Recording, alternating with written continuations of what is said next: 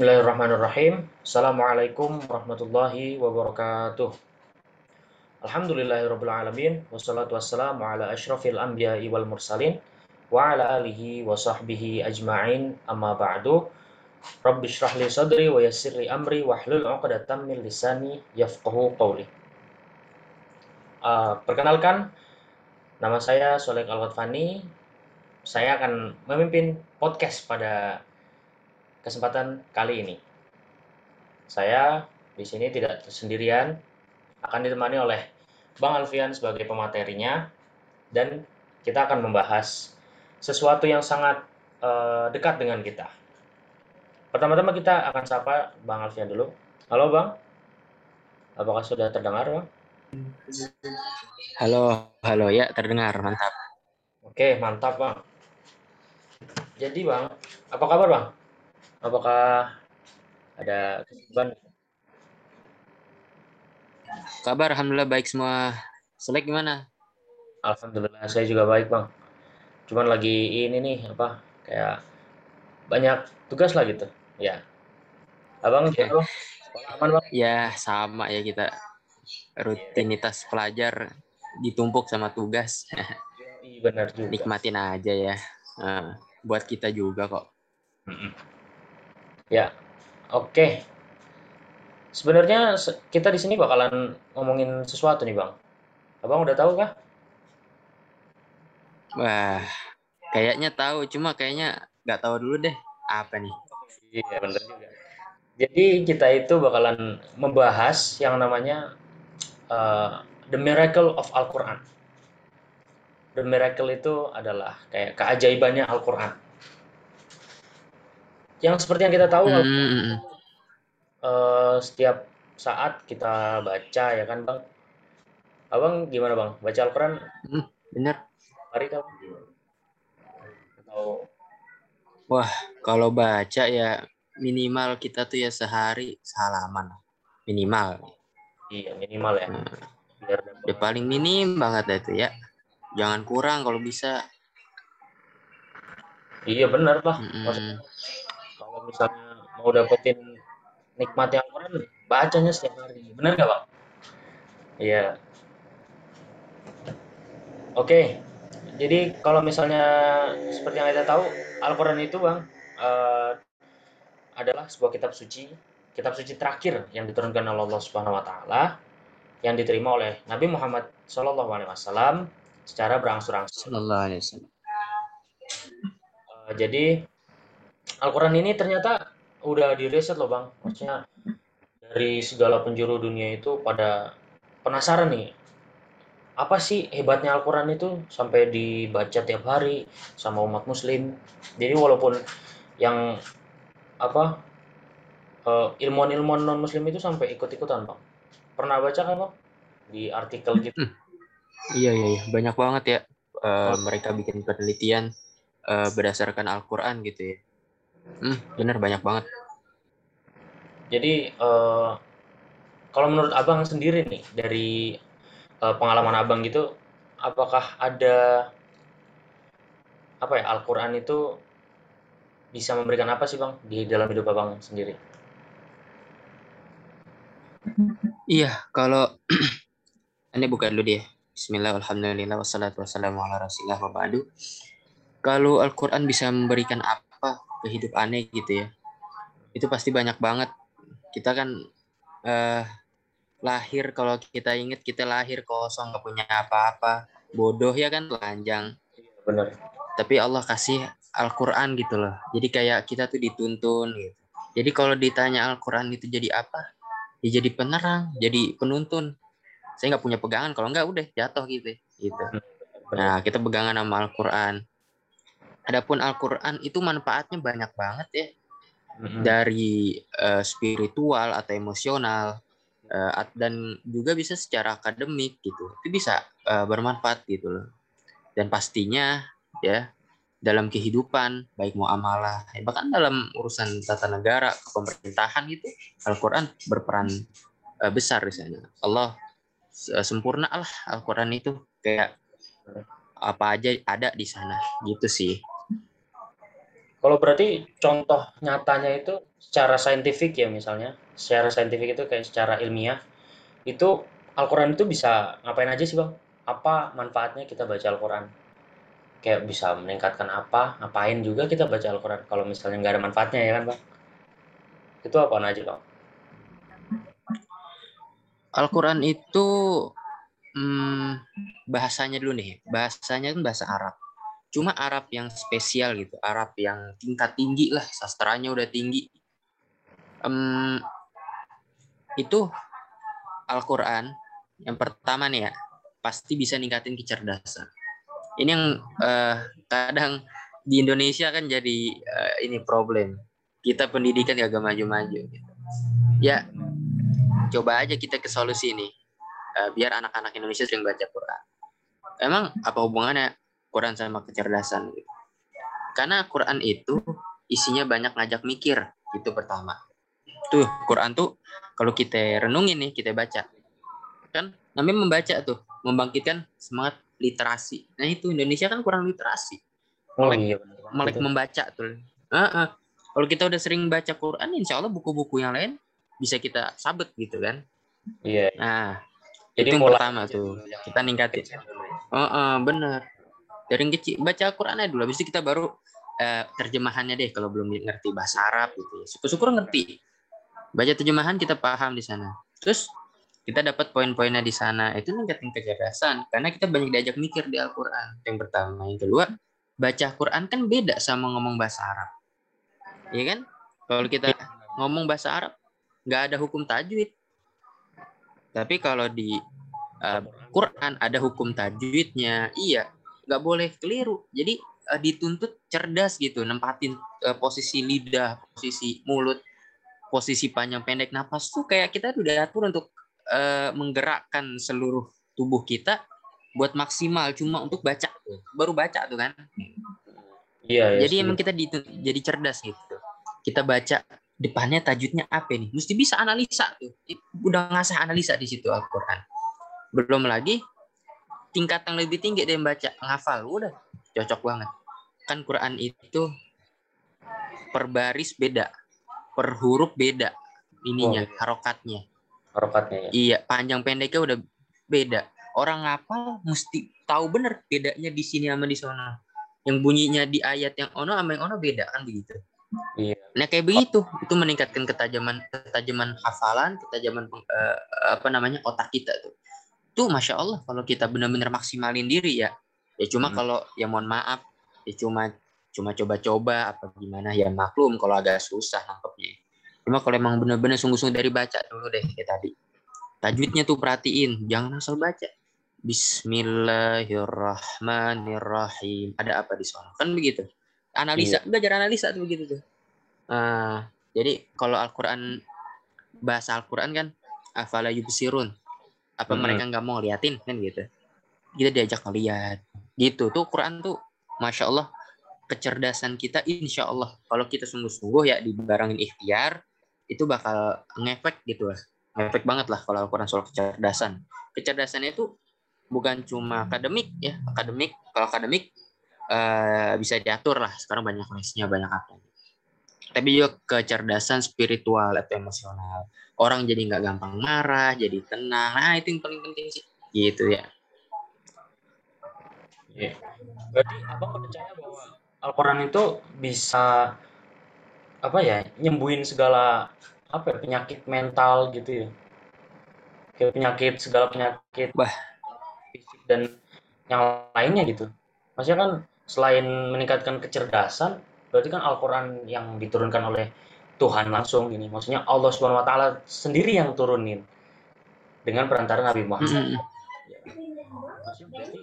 wah, Masya Allah banget Al-Quran ini uh, banyak banget manfaatnya. Selain meningkatkan kecerdasan itu apa lagi bang? Hmm, yang yang tadi tuh soal penyembuh gitu kan Al-Quran ya kita orang beriman pertama nih kita orang beriman sama Al-Quran udah imanin apa kata Al-Quran gitu konsep yang pertama yeah. yang kedua coba lihat apa kata Allah tentang penyembuh uh, gini deh kita bahas kesehatan belum lama kan hari kesehatan mental sedunia gitu. Mental, uh, mental world day ya Iya, tentang kesehatan mental. Penting mana kesehatan mental sama fisik? Dua-duanya penting kan gitu. Cuma yang lebih ngena itu loh.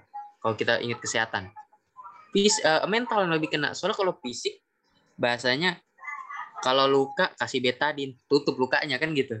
Iya benar. Nah, nah cuma kalau uh, luka batin, luka uh, sakit jiwa lah dalam bahasanya sakit jiwa, kan susah nyembuhin terapinya ya kan terus uh. juga apa namanya pendek oh, harus iya harus psikiater harus psikiater harus si orang itu uh, kita kadang juga miris lihat orang-orang yang bermasalah dengan uh, uh, batinnya gitu ya. Bahkan auzubillah ada yang depresi sampai bunuh diri. Itu kan Wah, terus dibilang uh -uh, uh -uh, makanya itu kan pasti kan ada masalah dengan batin.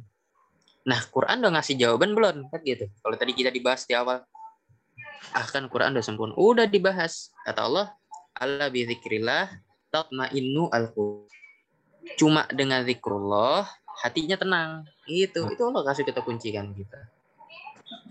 Ya jadi eh, pertama kita pelajarin dulu sebab-sebab itu. Kalau eh, penyem, eh, kita sakit tuh karena apa sih? Ya, pertama tadi karena kita nggak sehat mentalnya. Sakit gitu. Jadi sebelum kita ngomong soal sembuh, bicara sakit dulu nih, gitu ya. Nah, terus um, apa namanya? Sakit fisik juga sama. Kebanyakan sakit fisik kalau kata Nabi Shallallahu Alaihi Wasallam, kebanyakan ya. makan, masalah perut. Nah, ada tuh. Ini nih masalah, masalah fisik. Di... Nah, iya. Bukan makanan yang tidak sehat gitu. iya. Kalau kata Allah dalam Al-Quran udah dikasih juga clue-nya Kulu washrobu wala tusrifu. Makan minum, makan, tapi jangan kebanyakan tuh kata Allah. Hmm. Udah dikasih clue-nya. Kebanyakan batasin. Gitu. Kita juga diajarin ada puasa. Kan begitu. Benar-benar. Nah, itu sebab nih, sebab sebab sebab kesehatan dulu. Baru setelah itu kita masuk ke penyembuh. Emang Quran bisa jadi penyembuh? Lebih bisa. Pertama, Allah udah kasih keterangan kan begitu. Uh, keterangan sakit men uh, sakit mental atau sakit uh, batin. Kata Allah apa?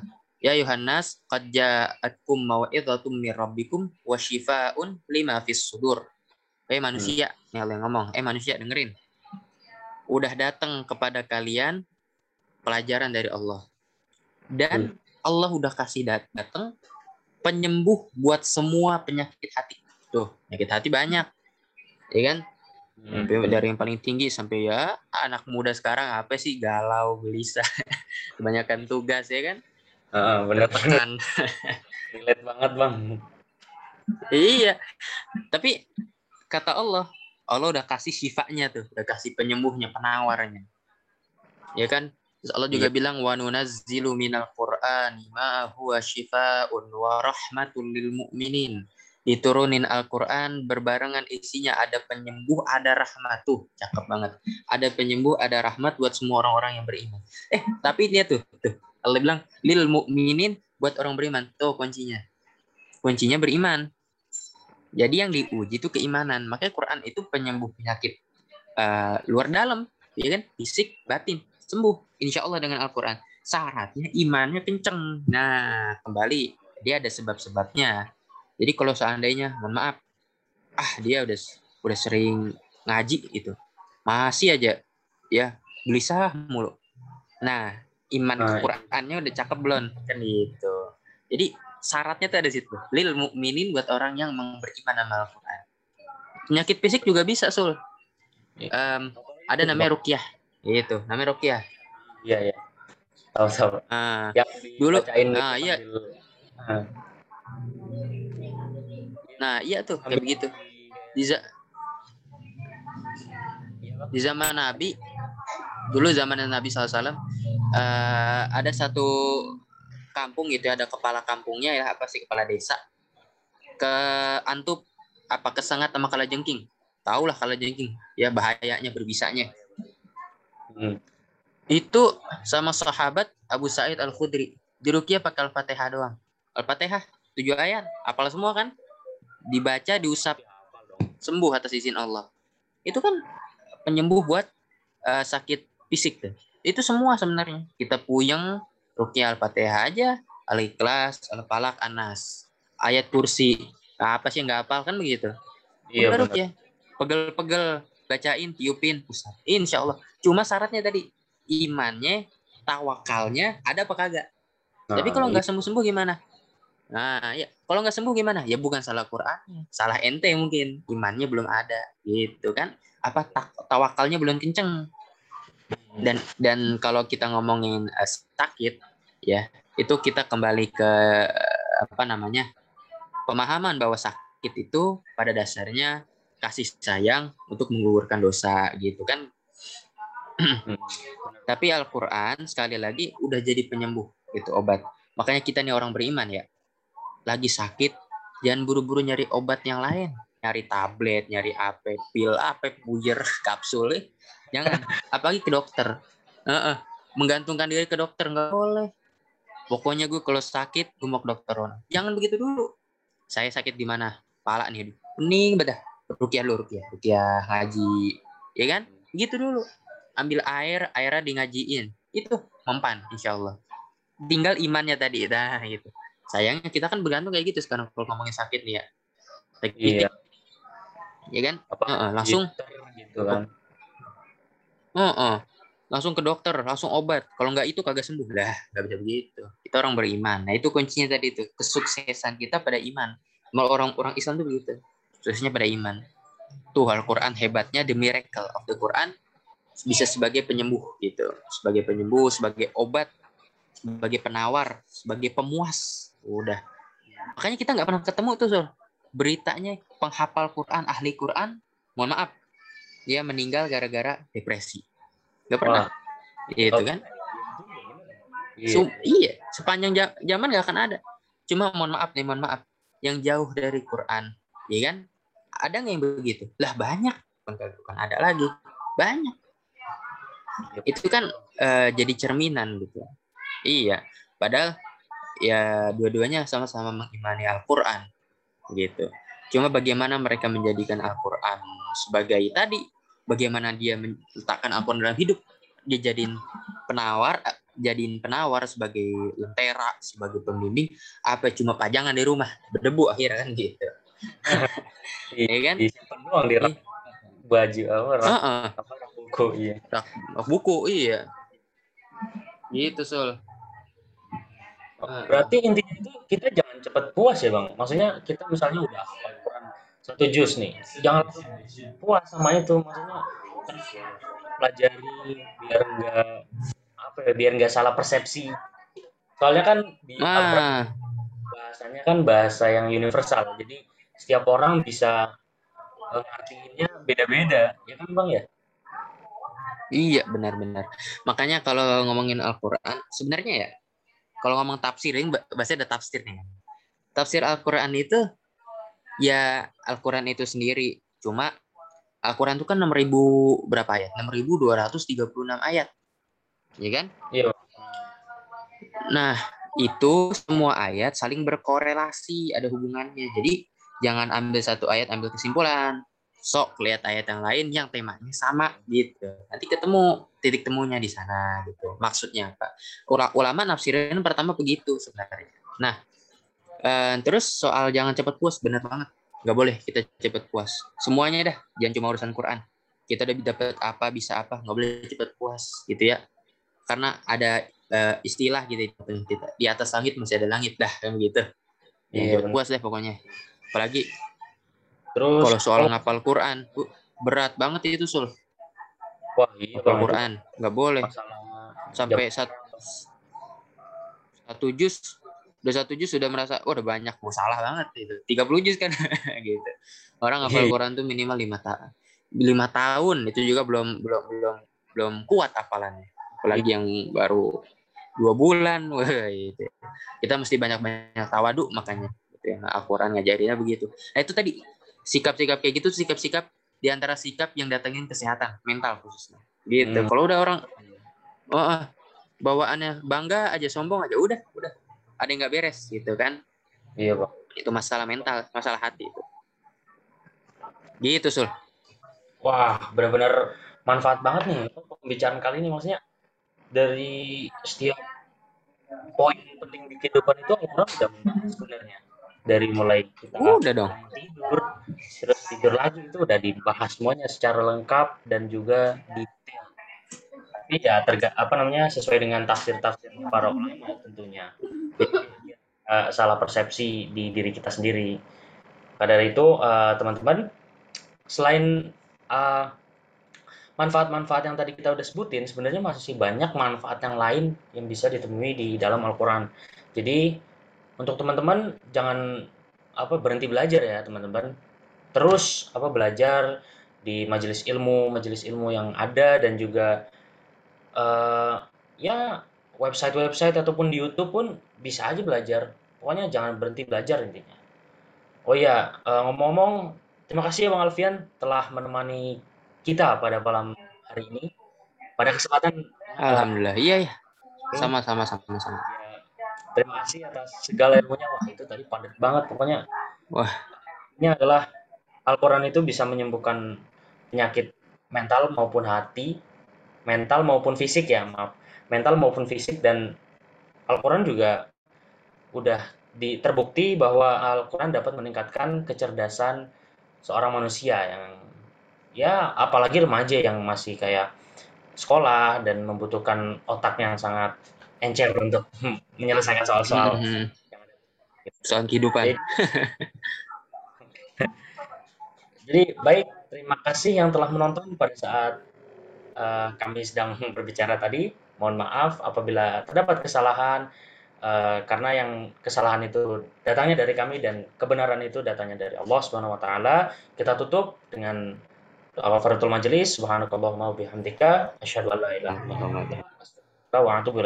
Terima kasih yang telah mendengarkan. Stay tune, stay tune terus dan tunggu podcast kami selanjutnya. Terima kasih. Wassalamualaikum warahmatullahi wabarakatuh.